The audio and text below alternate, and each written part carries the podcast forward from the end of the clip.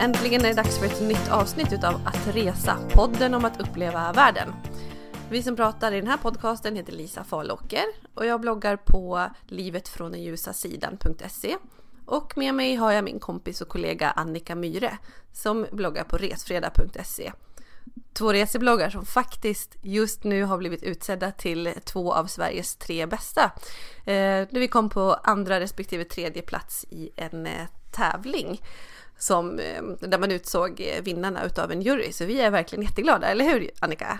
Ja, det känns fantastiskt kul. Vi är väldigt stolta och, eh, och glada. Och tacksamma. Så det är superkul. Men här är det podd som gäller och idag så kommer vi prata om Thailand. Vi byter alltså förra avsnittets skidor och snö mot betydligt varmare väder. För det är faktiskt du du är i Thailand just nu Annika och vi sitter här och skypar. Jag ser mitt bleka ansikte i datorn och sen ser jag en brunbränd Annika ligga i bikini på andra sidan utav, utav skärmen.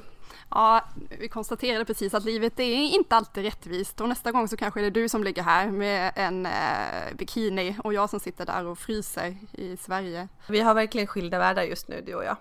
Och i det här avsnittet, när vi kommer prata mycket om Thailand, så sponsras vi utav en utav Nordens största online-resebyråer, Travellink. Och det är vi jätteglada för. Och Thailand då? Varför är man i Thailand? Alla svenskar verkar älska Thailand. Mm. Varför är vi här? Alltså du ser ju själv, jag ser ut att trivas ganska bra. Eh, och svenskarna, jag vet att jag första gången jag hörde någon som åkte hit var på gymnasiet, eh, en klasskompis som åkte till Thailand och det var så exotiskt, alla var jätteavundsjuka. Och det var verkligen unikt, men nu ska man ju lika gärna kunna säga att ja, jag har varit i Spanien, vet, jag har varit i Thailand. Ja, jag tror att de som inte har varit i Thailand, de börjar lite så här, men varför ska man åka dit? Det är ju bara en massa svenskar och liksom kan inte riktigt förstå, har verkligen Thailand den här charmen liksom? Eller är det ett nytt Spanien eller Solkusten? Men jag tycker att Thailand är något alldeles utöver det vanliga och då får man väga ihop alla, allting som finns här. Det är stränderna, det är det härliga klimatet under vinterhal alltså Sveriges vinterhalvår som, som vi inte får om vi åker till Spanien. Det är fortfarande väldigt billigt. Maten är väldigt god om man nu gillar eh, de här typerna av, eh, av smaker som finns här. Mm. Eh, vad, vad, tror du mer det kan bero på? Har du något mer Nej men jag tycker verkligen att Thailand är fantastiskt på så himla många sätt just för de sakerna du säger. Det är liksom allt sammantaget som jag tror att gör att man älskar Thailand. Och eh, jag har testat många andra resmål och tänkt att Nej, men nu är jag trött på Thailand, nu har jag varit där så mycket, nu måste vi se någonting annat. Och sen åker man till andra ställen och så sitter vi ändå där och bara Ja men det här var ju bra men det är ju inte riktigt Thailand.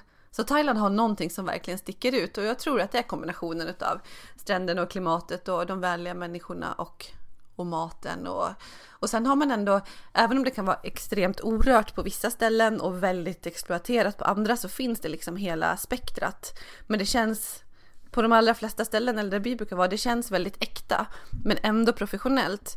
Det är inte liksom service som att gå på en krog i Sverige förstås, men det vill man inte heller ha. Men man äter fortfarande med, med sanden mellan tårna och de vet om att ja, men man vill ha den här massagen och man vill ha det lättillgängligt på stranden och, och då ser man till att det finns. Om jag jämför med till exempel Sri Lanka där vi var för ett par år sedan och som var så här, ja men en upcomer istället för Thailand. Då hade det jättemycket av de där sakerna som Thailand har, men det saknade ändå den här riktiga edgen. Så det är det som jag tror har gjort Thailand så populärt. Och sen känns det ändå när man kommer dit som att det verkligen är annorlunda, att man känner den asiatiska kulturen som verkligen tilltalar oss svenskar. Ja, sen så har vi ju pratat om tidigare också mycket om att det fin visst finns det absolut jättebra alternativ till Thailand. Nu kommer Filippinerna och Indonesien, man pratar om Malaysia. Men just i det här avsnittet, jag, jag befinner mig i Thailand, så vi kommer fokusera på att vara i Thailand. Och det är också så att om man har barn eh, som jag har då, varav ett i skol, eh, skolåldern, då är det väldigt väl ordnat för att kunna få en sån här chans att åka hit. Vi vet precis att det, ja, men allting kommer funka jättebra. Vi har, vi har sett att det funkar och det är därför som vi har valt att, att komma hit. Mm. Jag förstår verkligen att ni väljer just Thailand att komma tillbaka till. Men hur ser din historia med Thailand ut? Hur är er relation? Hur länge har den funnits? Det var inte kärlek vid första ögonkastet faktiskt. Inte alls. Jag var ute på en jorden runt-resa. Jag var borta ungefär eh, fyra månader och eh, Thailand var sista stoppet innan jag skulle åka hem. I huvudet var jag ganska inställd på att, på att komma hem till Sverige igen. Låter jättekonstigt, man är i Thailand. Eh, jag kom till Bangkok och det var superhäftigt i och för sig. Gå där på alla backpackers dröm, Khao San Road och se pulsen, trafiken, känna dofterna, smakerna. Superhäftigt. Jag tyckte väldigt mycket om det, men sen åkte jag in, ner till Hua Hin för att få stränder eh, och pressa de där sista veckorna innan man åker hem så man kommer hem och är i toppform. Men det var jag inte alls speciellt imponerad av faktiskt. Eh, då hade jag varit på stränder i Fiji och på Hawaii som var absolut paradisstränder och det tyckte jag inte jag det fanns i, i Hua Hin. Men sen åkt, kom vi tillbaka eh, på, det här är vår andra timeout. Vi har gjort en, en tidigare timeout för fyra år sedan. Eh, då var vi här ett halvår. Och vi kommer att prata mer om det sen, för vi, varken jag eller min man hade någon relation alls till Kolanta. Vi hade inte varit här, utan vi åkte lite hit på eh, vinst och förlust. Men vi älskar Kolanta och eh, vi trivs väldigt, väldigt bra här. Så det, det är min relation till, till Thailand. Mellan den här första gången när du inte blev kär till att ni gjorde timeouten, hade du varit tillbaka någon gång då också? Nej. Nej, Nej. utan det var då, det hacket emellan. Ja. ja, men då var det en liten chansning förra gången ni åkte på en long stay. Absolut. Och du då? Eh, vad har du för? Jag vet att du, du gillar Thailand också och har varit här mycket. Ja men jag gör det. Jag, jag älskar verkligen Thailand. Jag tycker det är hur bra som helst. Jag vet att jag har fått frågan någon gång om vad är ultimata resmålet och jag har sagt att egentligen, även om jag älskar att resa och se nya ställen så behöver man bara två. Storstad New York och strandställe Thailand. Alltså egentligen skulle man kunna nöja sig med, med det som Thailand som enda, som enda vinterresmål och det är väl många som tänker så och kommer tillbaka och tillbaka. Men eh, ja, min upptäckarlust är lite större. Men Thailand kom jag till första gången när jag var på min allra första långa backpackingresa 2000. Så jag inledde där, landade i det här starkt doftande Bangkok och det här myllret och jag blev, jag blev helt eh, superdäckad av kärlek till landet och hängde mycket på Ganson Road, en klassisk eh, backpacker gata.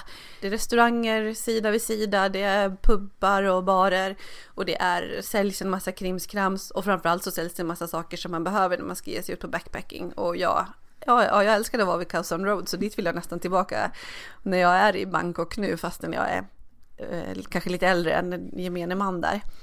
Eh, men i alla fall så första gången så gjorde jag östkusten med Koh Samui, Koh Phangan, Koh Tao och tog eh, dykcert där. Jag var också uppe i norra Thailand i Chiang Mai. Jag gjorde västkusten med Krabis skärgård och Phuket med mera. Och eh, ja, jag gillade de flesta ställena. Men sen handlar det ju särskilt såklart mycket om att hitta sina smultronställen och ställen där man trivs lite extra. Så det var första gången. Och sen har jag kommit tillbaka jättemånga gånger som ensam resenär och backpackat med min eh, dåvarande kille, nuvarande man. Första långa familjeresan som var en månad med vår yngsta, eller vår äldsta dotter när hon var ett och ett halvt år så var vi där i dryga månaden. Vi har gjort månadsstopp under kommande långresor med fler barn och så så att eh, ja, jag kommer tillbaka till Thailand. Men nu var det ganska länge sedan, jag har inte varit där på, jag tror att det är fyra år kom jag fram till. Så. Och det tänker jag att det, det är ju det ultimata betyget, att du som älskar att resa till nya platser och verkligen vill se annat, att du återkommer till Thailand, det är väl typ det bästa betyget man kan få. Ja men det är ju lite så, för att det är just det där att man sitter på den här stranden på ett annat otroligt härligt ställe och är så här, ja, drömmer lite grann om Thailand och tänker att ja, men nästa gång måste det nog bli Thailand ändå. Men det kommer inte bli nästa gång för oss heller utan eh, vi siktar på en längre resa till nästa vinter, alltså om, om ett år eller fram emot jul och eh, då tror jag att vi testar Filippinerna. Så sitter jag där och kanske, åh, nästa gång tar vi Thailand. ja, vi får se. Mm. Men går det att säga något så här smultronställen vad man rekommenderar? För det är ju en fråga som man ofta får tycker jag när man pratar Thailand. Du som har varit där mycket, vad rekommenderar du brukar jag få höra trots att vi har varit här, väldigt, om man lägger ihop tiden väldigt, väldigt mycket så, så har ju vi mest hållit oss till samma ställe. Så jag, jag måste ju, alltså Kolanta är ju vårt favorithak alltså. Vi tycker det är superhärligt här.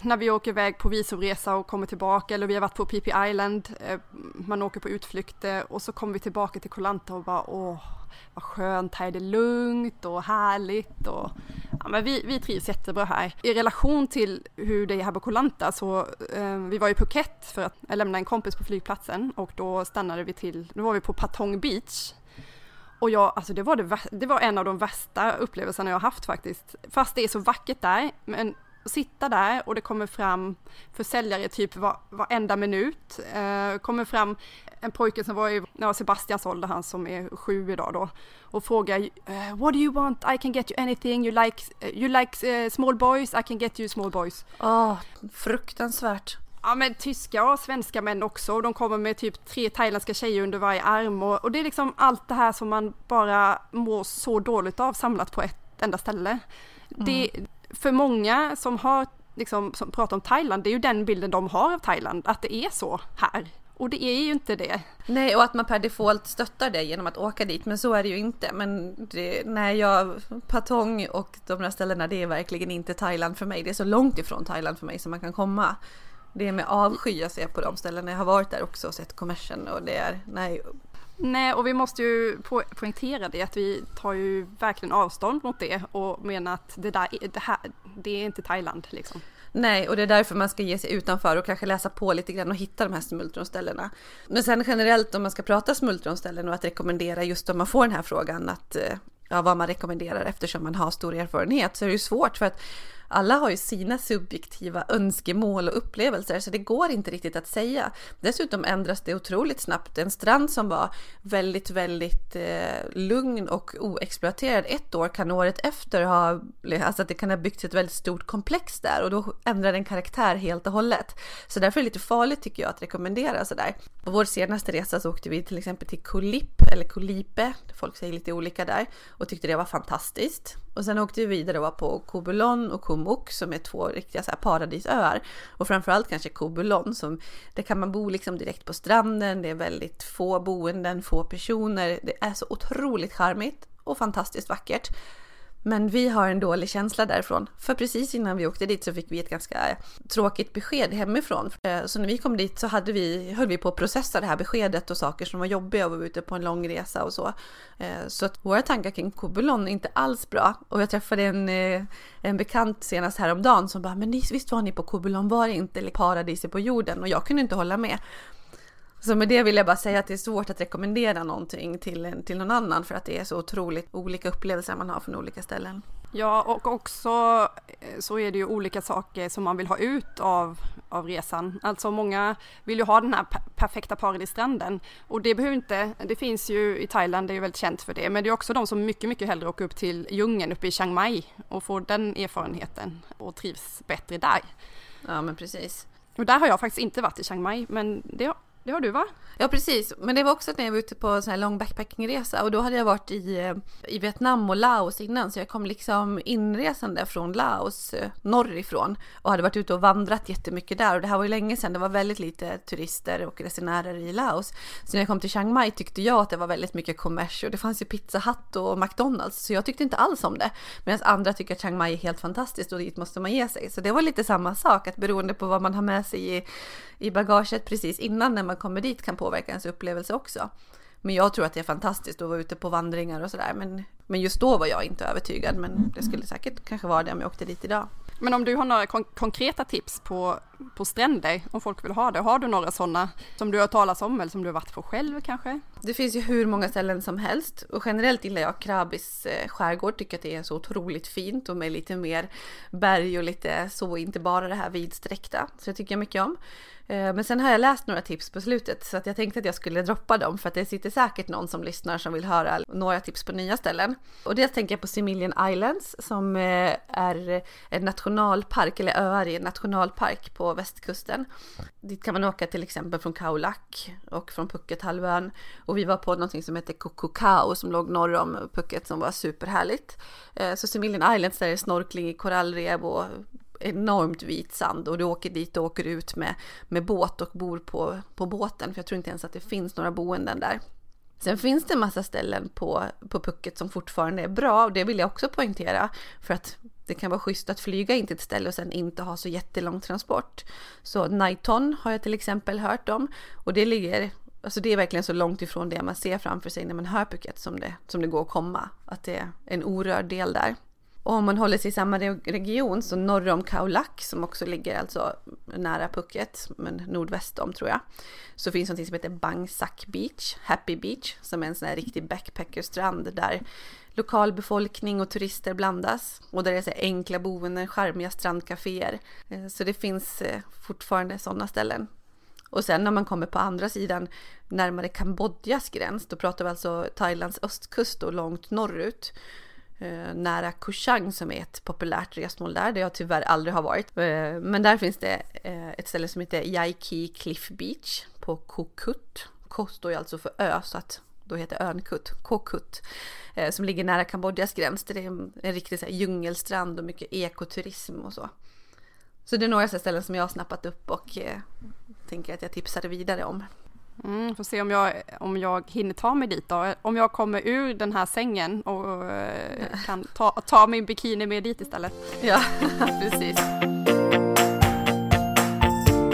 Men time-out, att vara borta länge, det tilltalar ju otroligt många och det är det du gör nu. Du ligger där och har varit i, du ligger där i din bikini brunbränd och sådär och har varit i Thailand i, vad är det, två, tre veckor nu, fyra? Alltså vi, vi har totalt varit borta från Sverige i en månad faktiskt. Eh, men vi började i Kambodja eh, och sen kom vi hit. Så vi har varit här i typ tre veckor nu. Vi kommer vara borta totalt tre månader. Varför väljer man att göra en sån här timeout då? Vad är, vad är poängen? Vad är det som lockar? Det som lockar det är ju precis som, som ordet du har timeout, det är att bara ta break, alltså ta en paus, bort från vardagskarusellen, alltså stanna upp och bara reflektera över livet. Du vet, hemma så man allt bara rullar på, man har tusen aktiviteter och, och, och jag vet inte, den här tiden för reflektion som man inte riktigt får. Eh, och absolut få mer tid för familjen och bara vara tillsammans. Det är väl det som, eh, det är väl det som lockar. Break från vardagen helt enkelt. Jag och eh, min man Tobias, vi, vi hade kommit överens om att vi skulle eh, bo utomlands redan när vi träffades, att vi skulle bo någonstans, men vi hade inte, vi liksom inte spikat var för någonstans.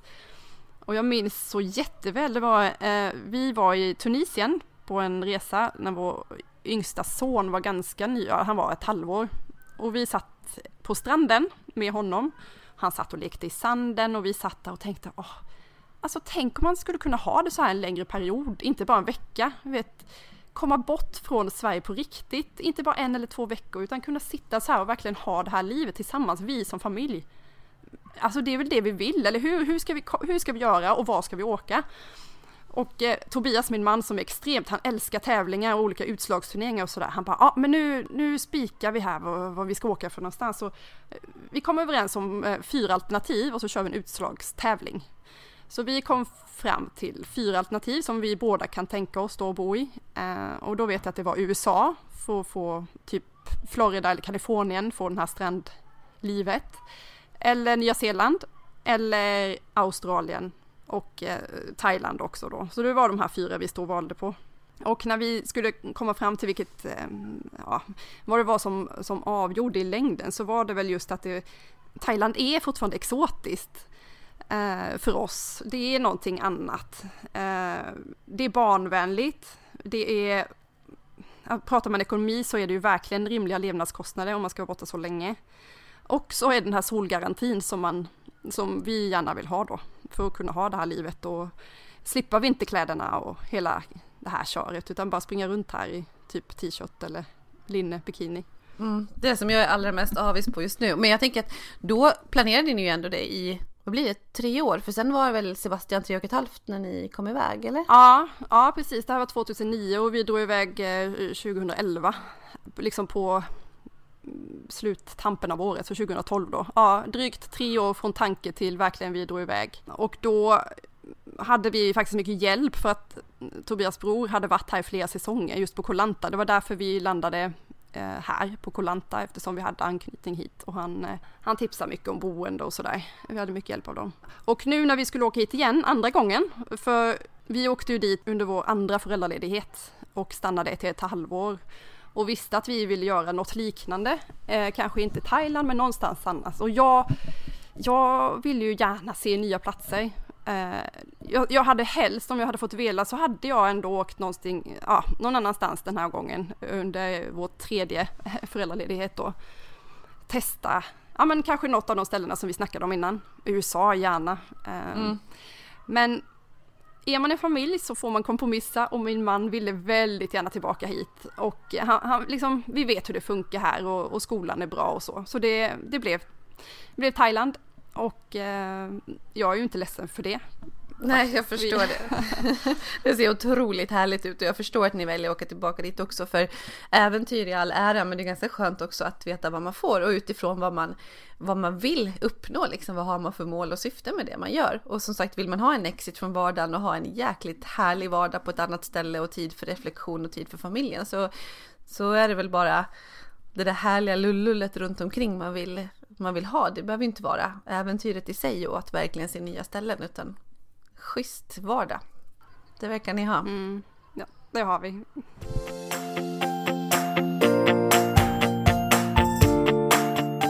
Men hur gör man rent konkret då? Liksom? Det är ju svårt att just få långledigt från två vanliga jobb, tänker jag. Hur har ni gjort och hur gör familjer generellt? Det här är ju en fråga som, som jag fått och som jag får ofta, men många har de här drömmarna och, och, och tankarna, men fast landa i att nej men det funkar inte riktigt för oss för att, eh, ja men du vet det är jobbet och vi har ju det här, ja men fotbollen eller vad det nu är som, som drar och lockar hemma. Men jag, jag tänker att vi, har man verkligen försökt, alltså om man verkligen, verkligen försöker att pussla ihop det här pusslet som krävs innan, så, så tror jag faktiskt att, eh, inte vem som helst, men, men man skulle kunna fixa det om man verkligen, verkligen ville och eh, Eh, men många, många tänker tanken och jag, eh, vi träffar ju folk här varenda dag som faktiskt har gjort det. Och alla har olika livssituationer. Absolut, en del är jätterika och kan bara dra iväg. Men många av dem har jobb som, alltså vad som helst, men som har lyckats pussla ihop det. Och då tänker jag så här, men eh, framförallt så är många här på föräldraledighet, det är ju verkligen så. Eh, men alla har ju inte barn och vill inte ha barn och det finns ju andra alternativ. Många är här på tjänstledighet, alltså man tar tjänstledigt från jobbet, det par månader, tre månader. En del har jobbat svinmycket hemma, de bara jobbar, jobbar, jobbar, jobbar och så jobbar ikapp allting och så har de, så är de här på standby, alltså de svarar på de viktigaste mejlen och de jobbar ett par timmar om dagen. De har jobbat upp en buffert helt enkelt. Nej men en del vågar ta steget och starta eget så de kan jobba härifrån. De bara släpper de här liksom, rollerna hemma som är att man ska gå till sitt jobb 9 till 5 och de bara, ja, de kör fullt ut. Uh, och man kan ju faktiskt jobba här nere också. Alltså, det är jättemånga svenska resorts och sådär som behöver hjälp med bokningar och sådär. Så, så kolla runt, alltså kolla, det finns tusen alternativ om man vill. Ja men det är ju jättebra budskap just det här att om drömmen är tillräckligt stark så kan man göra att den händer. Jag tror jättemycket på det där. Och som du säger första gången så var det två och ett halvt år eller något sånt där för er från att ni började att så fröet och egentligen bestämde er för att göra det till att ni faktiskt kunde göra det. Det kan vara att man tänker att ja men om vi blir föräldralediga då eller så. Men om man också förbereder på ett jobb tillräckligt långt innan så kanske det går som du säger att vara tjänstledig ett par månader eller någonting. För att att känna att man är iväg riktigt länge, det kan ju räcka med tre månader för att känna att man verkligen får vara där på ett annat ställe. Mm, inspirerande. Kan du inte berätta om hur en typisk dag ser ut där nere då, så att vi förstår vad den här vardagen går ut på? Det är ju nu folk kommer bli provocerade igen av den här vardagen som jag har här nere, för det är verkligen, eh, alltså vi har det så himla fantastiskt och jag är så tacksam att vi kan göra det här.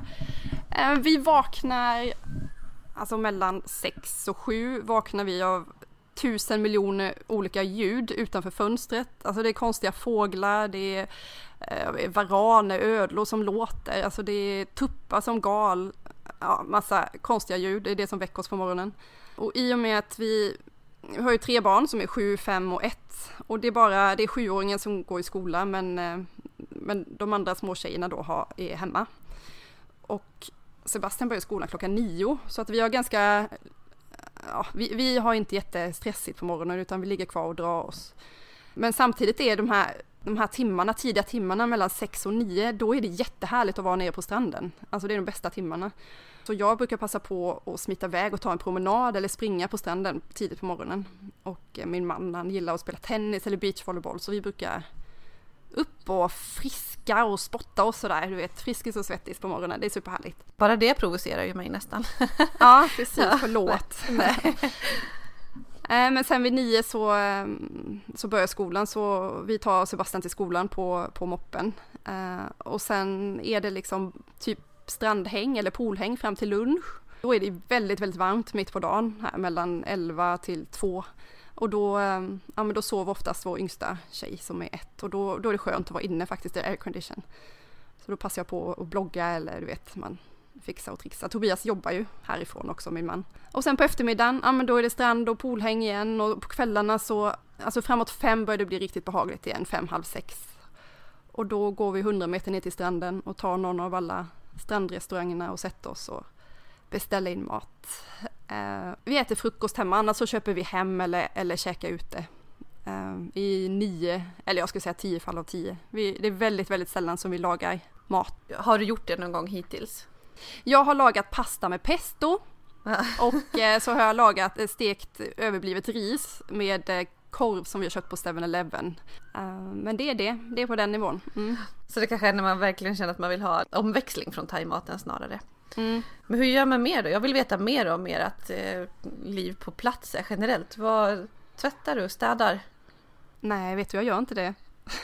Så provocerad. Det finns, ja, det finns ingenting att bråka om Lisa. Alltså nej. det, nej, nej faktiskt vi, vi, vi har ingen tvättmaskin. Eh, så man, man, lämnar in, vi går upp till gatan, det tar tre minuter så har vi ett tvätteri. Men det finns också massa tvättomater har det börjat komma här också, så man kan tvätta, eh, man kan tvätta sådär. Men vi lämnar in tvätten och städning, alltså det ingår i hyran så att det, de städar här två gånger i veckan. Så det behöver vi inte göra. Åh, det låter som eh, drömtillvaron verkligen. Hur funkar det med Nelly då, er minsta ettåring och eller generellt om man åker med en bebis eller ett litet barn och så? Ja men det är, hon, hon är ju sin prime time Eh, just nu. Hon är, hon, hon är född i oktober så hon är snart ett och ett halvt år. Och det är ju mycket springa, alltså springa, jaga, men hon är supernöjd när hon är vid stranden och kan sitta med hink och spade. Där kan hon sitta hur länge som helst, eller älskar att vara i poolen. Sen är det tufft med värmen och se till att de inte utsätts för direkt sol, för de blir ju riktigt dåsiga och trötta och det är inte kul för dem att vara i, i solen liksom. Så, så, det är mycket skugga och sen tidiga morgnar och, och sena eftermiddag och kväll. Mm, för det där tror jag är någonting som många kan vara lite rädda för innan och säga ja, men mina barn tycker inte om värmen eller det är jobbigt med solen och så. Men då är det det som är dina tips att styra dagen och dagens aktiviteter efter när solen är som starkast och när det är som varmast och hålla sig inne då. Mm, absolut och faktiskt alltså de anpassar sig väldigt bra också. I början vet jag Speciellt förra gången när vi var här, vår, vår dotter Julia då, hon fick jättemycket solexem i början. Alltså hon var helt sönderprickig. Men det var som att kroppen bara skulle justera sig och sen efter ett par veckor så var allting borta. Och mm, så, så kroppen får liksom anpassa sig efter ny, nya eh, omställningen. Sen får man eh, tänka på också att när man har aircondition att man inte har för kallt. För det blir ju väldigt omställning. Man är ute och det är typ 35 grader så kommer man in och så sätter man aircondition på 22. Man, alltså barnen blir ju jättesjuka. Man, man måste tänka på det där och anpassa liksom, temperaturen också så man inte springer ut och in mellan kyla och öken bra tips. Men om man pratar då om att bli sjuk och så, har ni, eh, har ni några sådana erfarenheter? Har ni behövt nyttja sjukvården? Hur har det gått med allt? Vet du, vi peppar, peppar, peppar. Vi har haft supertur. Vi har behövt utnyttja sjukvården en gång under totalt då sju, sju, månader om man lägger ihop denna och förra gången. Och då, det var jag som hade, alltså jag var dålig länge, så här magsjuk, vet, trött och bara, ja, dålig i magen och lite sådär hängig helt enkelt. Jag vet inte om det var en kombination. Jag kanske hade någon liten parasit och lite virus och allt möjligt. Men jag var väldigt svag och eh, det var en specifik situation där jag blev jätterädd. Jag trodde, jag var helt övertygad om att min dotter höll på att kvävas. Fast egentligen så, så hade hon bara, alltså hon, hon stod och hulkade för att hon spydde, hon blev magsjuk typ. Men jag var, tänkte inte rationellt så jag tänkte att ja, men eh, jag trodde hon hade fått något i halsen och höll på att kvävas. Så min kropp bara stängde av så jag svimmade och föll raklång mot golvet, alltså bara rätt bak och slog i huvudet så här. Det sa verkligen pang i hela huset, berättar min man då som hörde det här. Och han kom ner och jag låg liksom och ryckte så här, ryckte i kroppen och var helt borta och visste inte vad jag var och visste inte vad jag hette och det var blod och så jag, jag var väldigt medtagen och fick hjärnskakning. Alltså jag fick typ några röda piller. Några vitaminer hos, hos doktorn. De var jätteduktiga och sådär men de sa det, man gör inget med hjärnskakning liksom. Det var bara vila, undvik solen och vila och käka de här eh, vitaminerna så blir det bra. Och det, det blev bra. Men en läskig upplevelse ändå. Men hur upplevde du att sjukvården var då? Kände du dig trygg där? Superproffsiga är de faktiskt. Och just här där vi befinner oss på Kolanta, det kan ju vara en anledning att man faktiskt åker hit. Det är läkarkliniker överallt. Man behöver inte gå eller åka långt för att komma till en doktor om det händer någonting. Och klarar de inte det här så skickas man direkt till eh, sjukhuset i Phuket. De vet vad de gör här helt enkelt. Mm. Ja men det är bra att veta för det tror jag också är någonting som många funderar över och är lite oroliga för. Sen har väl ni haft en enorm tur som haft en grej så på sju månader. Och just när man reser med barn, det brukar ju alltid vara något. Men sen är det ju samtidigt så att när man är hemma under den här perioden, alltså februari som kallas för vabruari i folkmun bland småbarnsföräldrarna, det är ju för att det är konstant influensor och det är kräksjukor och det ena med det tredje. Så det är klart att man, man blir sjuk när man är hemma också och man kan bli det i Thailand. Då vet man bara att sjukvården är bra så, så är det ju same same but different som man säger i Thailand. Ja, och vi träffar ju familjer här hela tiden som har alltså maximal otur som kommer hit och hörde senast nu någon som har fått lunginflammation, en liten kille och fick ligga med respirator på sjukhuset i Phuket. Och någon annan som barnet hade fått fullt med utslag och de fick ordineras och vara inomhus i typ hela semestern. Så alltså det finns ju, det finns ju alla spektrum. Ja. Men, men sen finns det ju mer allvarliga saker också. Jag tänker på det här med denguefeber som känns som någonting som det har blivit mer och mer snack om på slutet. Eh, vad är myt och vad är sanning gällande det? Ja, men denguefeber är ju en väldigt stor källa till oro. De som tänker att, att de inte vill åka hit, de pratar ju om denguefeber och kubanmaneter. Det är liksom anledningen till att de stannar hemma eller åker någon annanstans då. Och denguefeber finns absolut eh, och vi, jag har jättemånga vänner som har drabbats av det här på Kolanta. Eh, både, både under den här vistelsen och förra. Det man ska komma ihåg är att det är farligt om man inte uppsöker hjälp har man koll på symptomen och verkligen går till, till läkaren och gör som, som de säger, gör man det så, så, så brukar det inte vara någon fara. Vi har talat om ett dödsfall på hela den här tiden.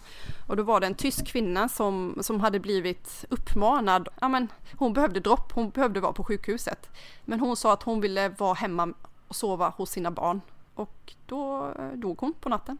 Och sen är det ju så att man blir, många blir väldigt, väldigt dåliga i denguefebern. Det är en vecka, eh, två veckor som, som är helt liksom, man, man, man kan bli helt däckad.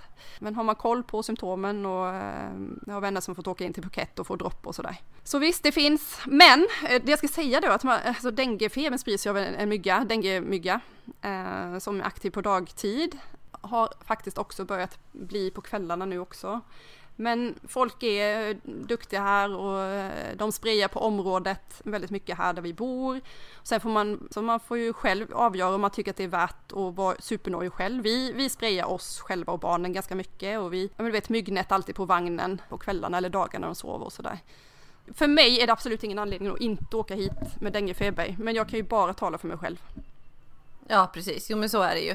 Så där får man ju känna efter själv. Men det, är ju, det känns ju skönt att höra att det ändå eh, känns som att man har koll på det i sjukvården och så vidare där. Så att det inte behöver vara det här extrema hotet. Men sen visst är det klart om man sitter där med ett barn som får det och blir väldigt medtaget. Då funderar man säkert vad man håller på med.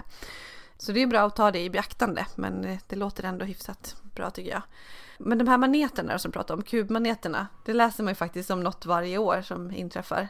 Ja, absolut. Kubmaneter och vita hajar. Uh, men det är ju som allting annat. Det, det finns kanske, uh, eller ja, uppenbarligen så finns det.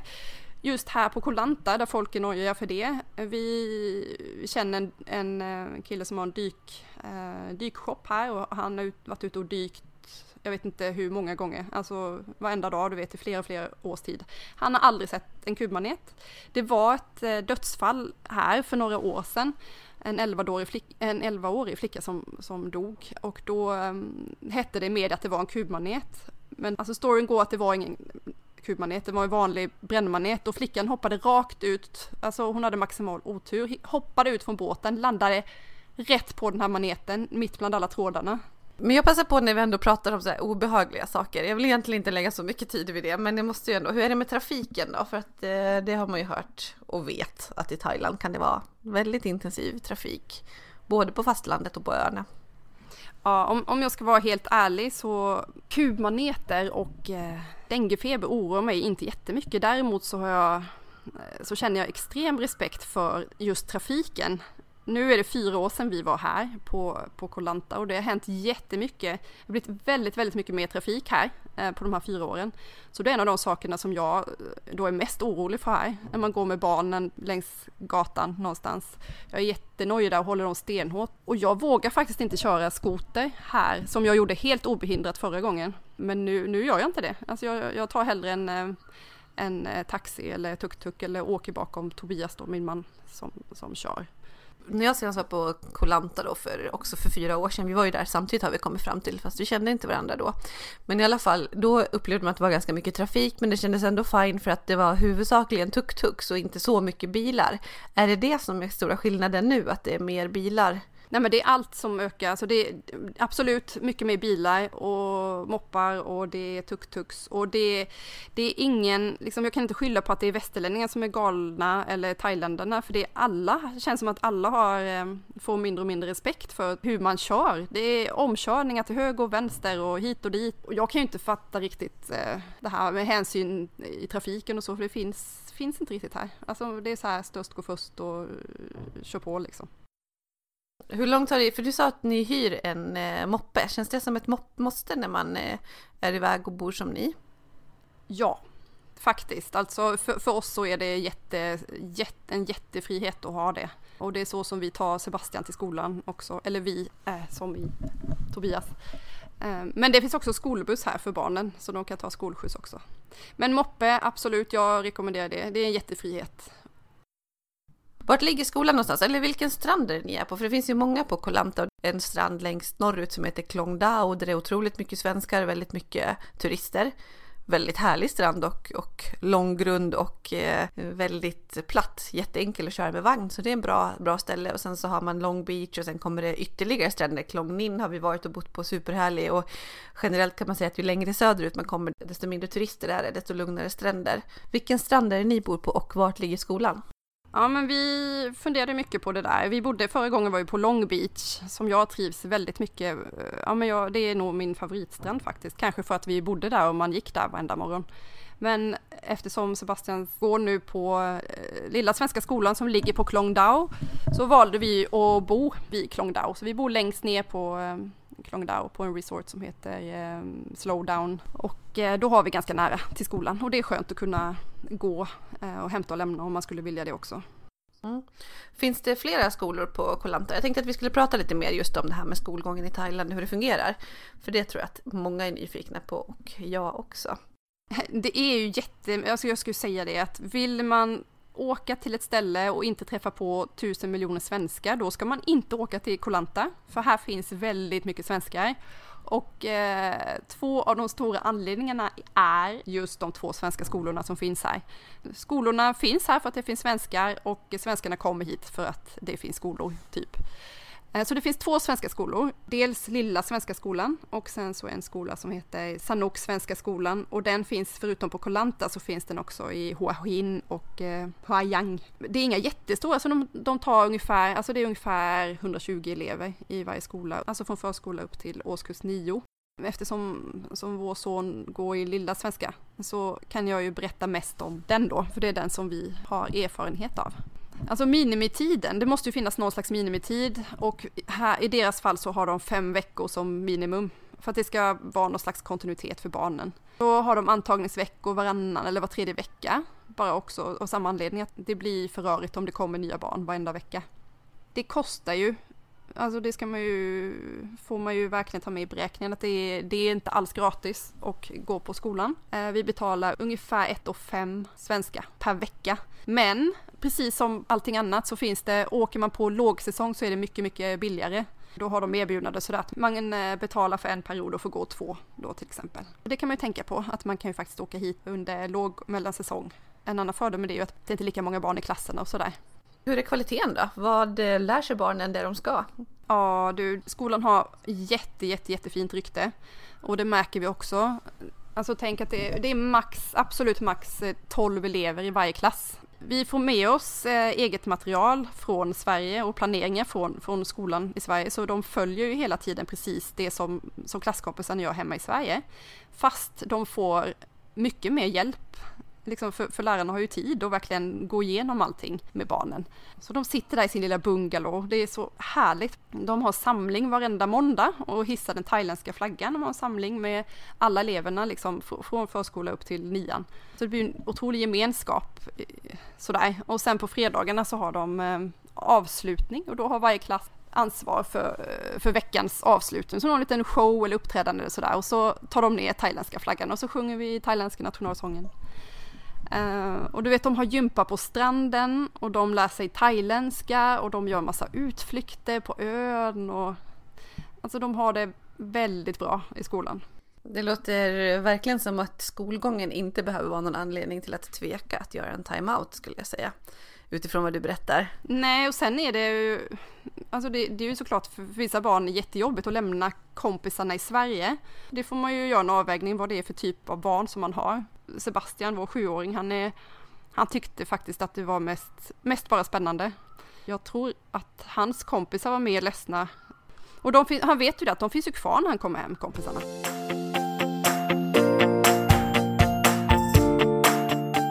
Hur tänker man för att få ihop pengar till en timeout då? Det är ju ändå att checka ut ifrån verkligheten ganska länge och eh, ja, hur ser budget ut och hur har ni tänkt där? Berätta!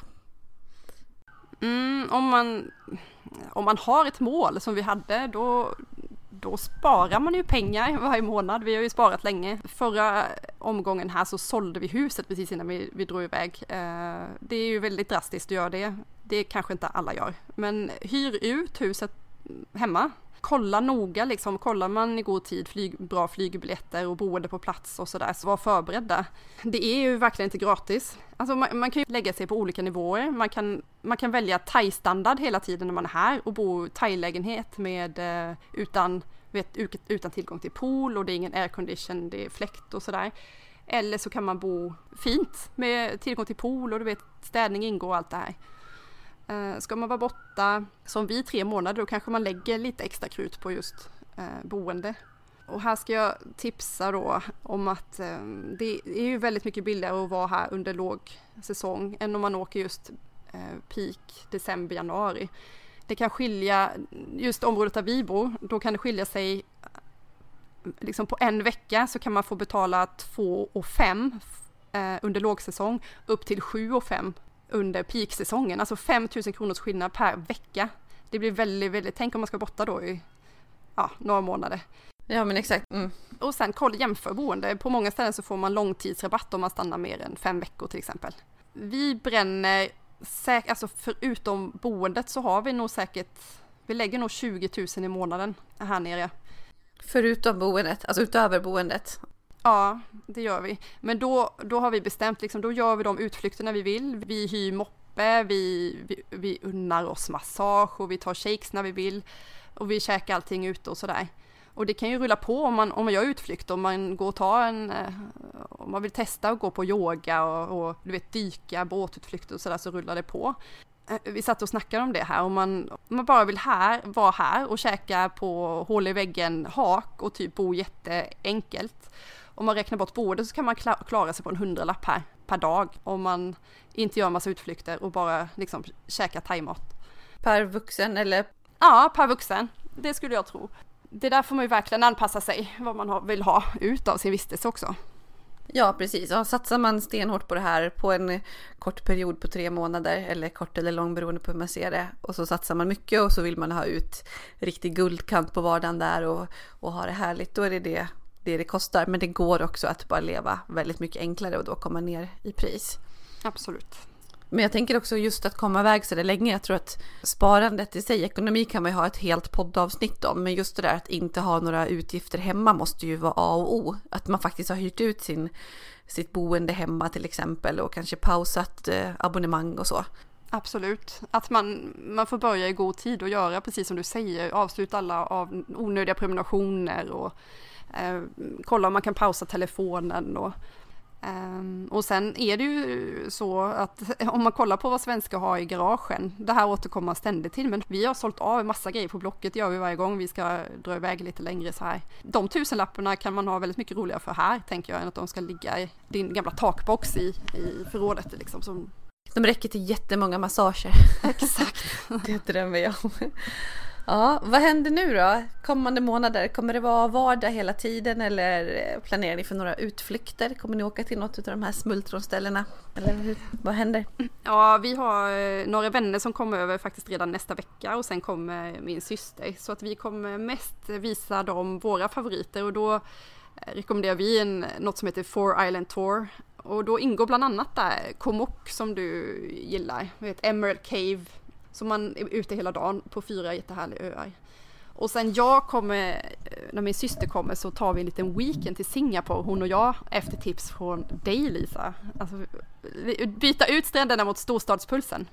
Ja, man kan passa på när man är i den regionen och så finns det ju lokala flygbolag som är lite billigare. Så det förstår jag att ni passar på när ni ändå är där. Jag tycker Singapore är superhärligt. Jag hoppas att ni blir nöjda. Jag vet att jag har inspirerat dig starkt till den så att jag blir så här.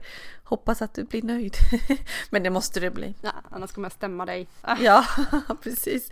Ja, men det blir säkert jätte, jättebra. Men det låter grymt. Det är superkul att vi har fått vara med och lyssna lite grann på din vardag där. Jag tänkte, vi brukar ju alltid ha eh, veckans lista och jag skulle vilja att du berättade lite grann om eh, vad som lägger grunden för en lyckad timeout. Ja, jag har faktiskt snackat lite med några riktigt rutinerade timeoutare här och fått lite tips på deras, eh, ja, hur, hur, man precis som du säger får en lyckad timeout. Eh, och det första tipset är att man ska undvika peaksäsongen om det går. Alltså res inte hit i, i december, januari när alla andra svenskar har, har semester utan försök och kanske åk hit i oktober, november eller mars-april sådär. För det är superhärligt här då, mycket mindre folk. Thailändarna har en helt annan tid och, och liksom snacka på restaurangerna och sådär. Vädret är lika bra nu, alltså, eller då som, som nu. Det kan vara regnskurar men de går över väldigt snabbt. Så ja, satsa på det. Mycket, du kommer mycket, mycket billigare undan och det är lugnare tempo. Den andra punkten är lev i nuet och glöm alla måsten. Alltså det finns en anledning att man tar en timeout, att man ska bort från pressen och stressen och alla måsten. Kom hit, andas liksom. Passa på och bara njuta av att vara här nu. Tänk inte på jobbet hemma, tänk inte på alla problem som du har åkt hit för att liksom slippa. Eh, det kan du dela med när du kommer hem till Sverige igen. Och det tredje och sista tipset som jag tänkte eh, köra här är att eh, läs på om kulturen. Vad är brukligt? Ta dig tid att lära känna, vad är det som gäller här nere i Thailand? Och lär dig att gilla läget, alltså det är klart att det kommer bli kulturkrockar ibland, men frågan är liksom, ja, vi är i Thailand, ska, ska de anpassa sig efter dig eller ska du anpassa dig efter faktiskt det landet som du befinner dig i? Så äh, åk med öppet hjärta och äh, plugga på innan du kommer hit. Bra tips. Nu är vi alla redo för att åka på en time-out här. Eller att börja drömma om det och kanske göra det till verklighet om några år. Då vet vi vad som gäller. Ja. Eh. Åk hit, alltså ta chansen. Om ni drömmer om det. Alltså det är en sån fantastisk investering för hela familjen. Och för dig själv. Jag tänker vi skulle prata lite grann också om vår sponsor idag. Eh, vi har ju Travelink som sponsrar oss och eh, de har jättemånga möjligheter att boka resa till Thailand. De säljer resor med alla stora flygbolag och man kan hitta just flyg till Thailand på travelink.se flyg Thailand. Och det är ett av de absolut mest bokade vinterresmålen hos dem. Och förutom Thailand så har ju faktiskt Travelink en massa olika spännande resmål och sätt att resa på som man kan boka med dem. Oavsett om du ska åka på weekend eller en lång resa med en massa olika stopp på vägen eller om du kör en all inclusive. Det kan du hitta allting på Travelink. Och vet du Annika att jag faktiskt bokade en resa med Travelink häromdagen. Jag kommer inte till Thailand men jag får komma iväg lite grann i alla fall med min familj. Första resan med våran bebis som kommer vara fyra månader då. Vet du vart det blev? Vad vill du Lisa? Ja, jag hade tänkt att jag helst ville Thailand, men vi har bara en vecka. Men vi kommer åka till Dubai faktiskt. Så det känns jättekul. Och just det där med att åka iväg med en liten bebis också så känns det som, eh, ja, det känns tryggt och fint och lagom tidsomställning och så. Ja, vad härligt! Ja, superhärligt! Ja men det var jättekul att vi kunde få till ett poddavsnitt så här via Skype med dig live från Thailand och eh, i din brunbrända uppenbarelse där. ja, jag, du, jag, ska, jag håller mig faktiskt väldigt mycket från sol. Jag tror inte jag lägger på pressat någon enda gång. Det är så härligt, man bara, man bara är här, sitter i skuggan, tar en shake, spelar mycket beachvolleyboll gör jag faktiskt. Det låter härligt. Jag ska gå upp och laga min egen lunch och städa mitt eget hem. så får du fortsätta njuta. Ja. Men eh, mer Skype-poddande kommer framöver. Mm. Men tack så jättemycket för idag. Ja, men tack själv. Vi ses och hörs. Ja, det gör vi. Ha det bra. Hej då! Hej, hej.